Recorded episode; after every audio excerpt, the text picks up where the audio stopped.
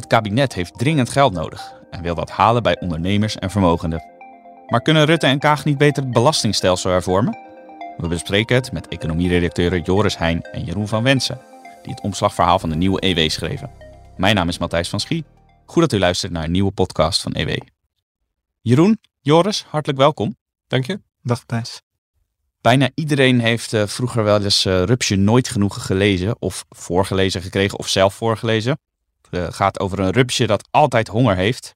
En uh, de kreet op onze cover van deze week is een variant op dat prentenboek. Rutte Nooit Genoeg. Jeroen, van waar die vergelijking?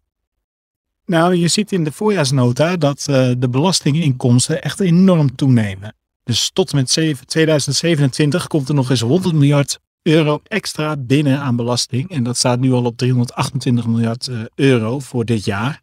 Um, daarnaast wordt er ook nog geld bijgeharkt door de schuld te verhogen. Die staat nu nog op 490 miljard euro, maar die is over vijf jaar 640 miljard euro.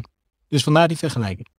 Het kan dus niet op met uh, geld dat uh, de kabinetten Rutte willen uitgeven. Laten we dan uh, naar de actualiteit gaan. je zei het al even met de voorjaarsnota, maar het geld vliegt aan alle kanten de schatkist uit. Zo luidt de eerste zin van jullie verhaal. Bijvoorbeeld aan klimaat- en stikstofplannen of het verhogen van het defensiebudget. En uh, dat is natuurlijk door de oorlog in Oekraïne weer eens heel urgent gebleken. Joris, waar wil het kabinet al dat geld vandaan halen? Nou, je ziet ook al jaren eigenlijk de discussie hè, van uh, we moeten iets aan de ongelijkheid doen en de, uh, de bedrijven en de multinationals betalen niet genoeg. Ja, en dat, dat gaan ze nu ook weer doen. Dus ze harken het geld vooral bij, bij elkaar door, door bedrijven of de mensen met net iets meer vermogen extra aan te slaan. Vooral de MKB'ers, maar ook de AOW'ers met wat meer een wat hoger pensioen. Dat zijn onder meer de mensen waar het nu wordt gehaald. Ja, nou of dat een goed idee is, daar komen we later deze podcast nog over te spreken. Uh, maar laten we eerst even wat uh, zaken rond ons belastingstelsel op een rij zetten. Dat is best wel ingewikkeld. Voor jullie misschien niet, want jullie schrijven er veelvuldig over en kennen de verschillen dus in detail. Jeroen, kun jij voor uh, de luisteraars eens even de verschillen tussen die boxen uitleggen? Ja, sinds 2001 kent het stelsel drie boxen. En dan heb je nog een los kopje met heffingskortingen. dus in box 1 wordt je loon belast. Uh, daarnaast wordt, uh, is dan bijvoorbeeld de hypotheekrente, die geef je daarop. Die is dan weer aftrekbaar, hè? dat is de hypotheekrente aftrek. En zeg maar de zelfstandigen en de middenstanders. Uh, die groep ondernemers zit ook meestal in box 1. Dat zijn de zogenaamde inkomstenbelastingondernemers. Nou, dan heb je box 2. Daarin zitten de doorgaans wat grotere bedrijven, de besloten vennootschappen, de naamloze vennootschappen. En dan heb je box 3, Daarin wordt het uh, vermogen belast van mensen, spaargeld, beleggingen, vakantiehuizen, verhuurde huizen. Nou, box 3, daar is van alles om te doen uh, de laatste ja, jaren eigenlijk al. Jeroen, jij bent expert op dat gebied, dus daar kom ik zo bij jou nog even op terug. maar Joris, eerst even naar jou, want in jullie artikel lees ik dat allerlei verschillen in die boxen en tussen die boxen tot allerlei verkeerde prikkels leiden. Kun je een aantal van die prikkels noemen? Ja, nou, Jeroen uh, noemde het net al een beetje. Je kan natuurlijk als ondernemer, zit je, hè, kan je voor box 1 kiezen of voor box 2. En als het gaat om het vermogen, dan kan je denken, nou, wil ik dat in mijn bedrijf houden of wil ik dat juist um, uit het bedrijf halen? En dan wordt het, gaat het naar box 3. Dus je moet altijd zorgen dat die drie boxen een beetje met elkaar um, in evenwicht zijn. En wat je hebt gezien is dat sinds de boxenstelsels ingevoerd hebben ze met allerlei knopjes lopen draaien. En um, sindsdien hebben we er 700.000 ZZP'ers bijgekregen, zelfstandigen zonder personeel. Uh, het is niet omdat Nederland opeens zoveel ondernemender is geworden. Maar ook omdat het gewoon een fiscale uh, prikkel is. Uh, er zijn ook veel meer mensen uh, bijgekomen die een tweede huis hebben of een vakantiehuisje of vooral huizen voor de verhuur. Um, dat is ook niet zozeer omdat um, mensen dat opeens wilden, maar ook omdat het fiscaal heel voordelig is. Um, en ja, de vraag is, moet een belastingstelsel mensen prikkelen om ondernemer te worden of om hun geld niet op spaarrekening te zetten, maar juist in een huis te zetten?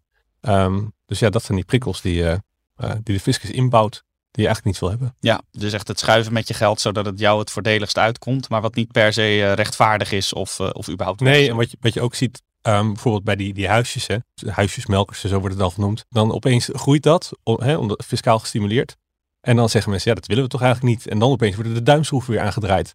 Dus mensen worden eerst fiscaal uh, een bepaalde hoek ingedreven en zitten ze daar eenmaal, dan worden ze daar weer um, voor gestraft. Dus ja, dus je kunt als belastingbetaler ook helemaal niet rekenen op een uh, eenduidige, duidelijke overheid op dit gebied. Nee.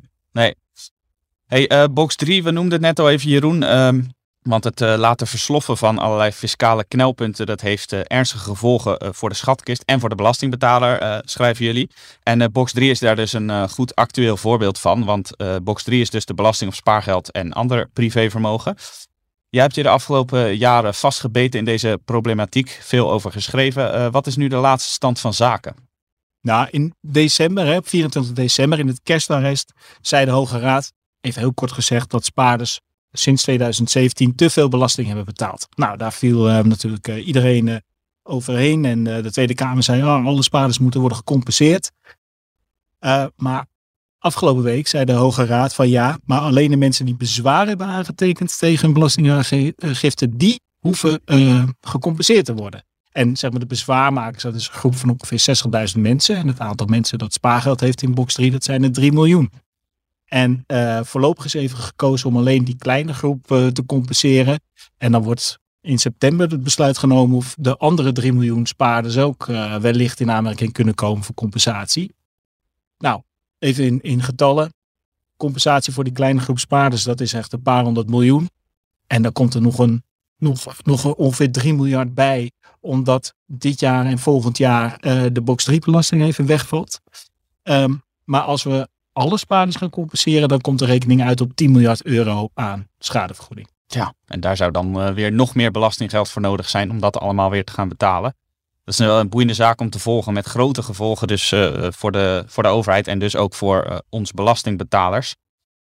Ja, er zijn nog een aantal andere problemen met het belastingstelsel die jullie signaleren. Zo zijn er momenteel, u kunt het niet gemist hebben, grote tekorten op de arbeidsmarkt. Maar gek genoeg wordt deeltijdwerken fiscaal juist aantrekkelijk gemaakt. Hoe kan dat, Jeroen?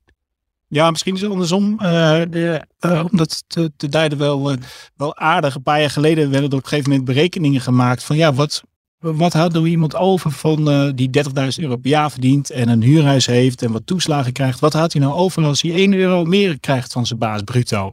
Nou, optellen en een beetje, en een beetje plus en minnen.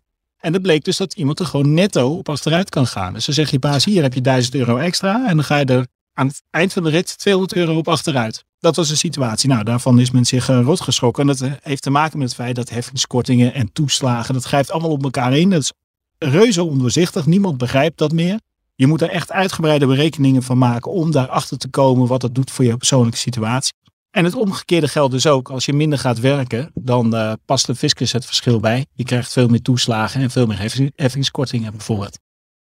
Ja, en dat terwijl uh, toch de meeste experts het erover eens zijn dat er juist uh, meer gewerkt moet worden. Zo schreef onze hoofdredacteur Rende Joustra vorige week ook nog in zijn stuk over acht mogelijke oplossingen voor het personeelsgebrek. Dan nog even terug naar jou, Joris. Want je had het net al eventjes over dat vooral de grote bedrijven en de vermogenden veel extra belasting moeten gaan betalen.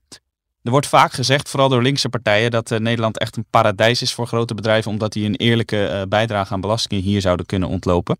Kunnen we die inderdaad gewoon zomaar veel meer gaan belasten? Is dat niet de oplossing of, of ligt het toch ingewikkelder? Nee, nou, je ziet natuurlijk alleen al aan Shell en Unilever, die zijn vertrokken. Um, ja, Nederland is gewoon een heel internationale, um, heeft een hele internationale economie. Dus um, je kan niet al te veel uit de pas gaan lopen. En natuurlijk zijn er andere landen die, die hogere belastingen hebben. Maar wat veel minder zichtbaar is, is dat Nederland ook heel afhankelijk is van buitenlandse bedrijven die naar Nederland komen om hier bijvoorbeeld een Europees hoofdkantoor te starten of uh, uh, een fabriek te bouwen. En als je vooral die grote Amerikaanse techbedrijven, als die hier naartoe komen, dan profiteer je ook mee van hun groei. En die bedrijven die komen steeds minder. In het verleden hebben we er hele grote voorbeelden van gehad. Um, kijk bijvoorbeeld, uh, Nike heeft een hoofdkant Europees hoofdkantoor in, uh, in Hilversum.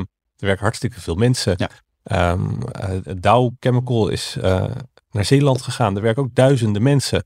Um, en dat soort bedrijven komen steeds minder, omdat we hier gewoon niet meer aantrekkelijk zijn. En ja, op termijn, dat, ja, dat ga je toch merken. Dus, dus, nee, dus het halen bij de grote bedrijven, dat, dat is misschien één keer leuk. Maar uh, dat kan je niet steeds, steeds blijven doen. En dat is wel wat het kabinet nu uh, aan het doen is, jaar op jaar. Ja, nou dat klinkt dus aantrekkelijk en is politiek natuurlijk goed scoren, maar zo simpel is het dus niet. En dan moeten we dus, zoals jullie bepleiten, vooral het huidige belastingstelsel eens flink gaan herzien. En hoe dat precies moet, dat leest u in de nieuwe EW, waarover dus dit, deze podcast gaat, het nieuwe coververhaal. Joris, Jeroen, we zijn aan het einde gekomen van deze podcast. Hartelijk dank voor jullie tijd allebei. Ja, wilt u nou dus eh, weten welke maatregelen het belastingstelsel echt effectiever en eerlijker maken of hoe het verder moet met alle toeslagen en kortingen die ons land rijk is, haal dan de nieuwe EW in huis, die vanaf donderdag 26 mei in de winkel ligt. U kunt het artikel natuurlijk ook lezen op onze website. De link naar het stuk vindt u in de beschrijving. En heeft u nou interesse in een abonnement op EW? Ga dan naar ewmagazine.nl/slash abonneer. Vergeet ons ook niet te volgen op Facebook, Twitter en Instagram via @ewmagazinenl. Dit was het voor nu. Dank voor het luisteren en graag tot de volgende keer.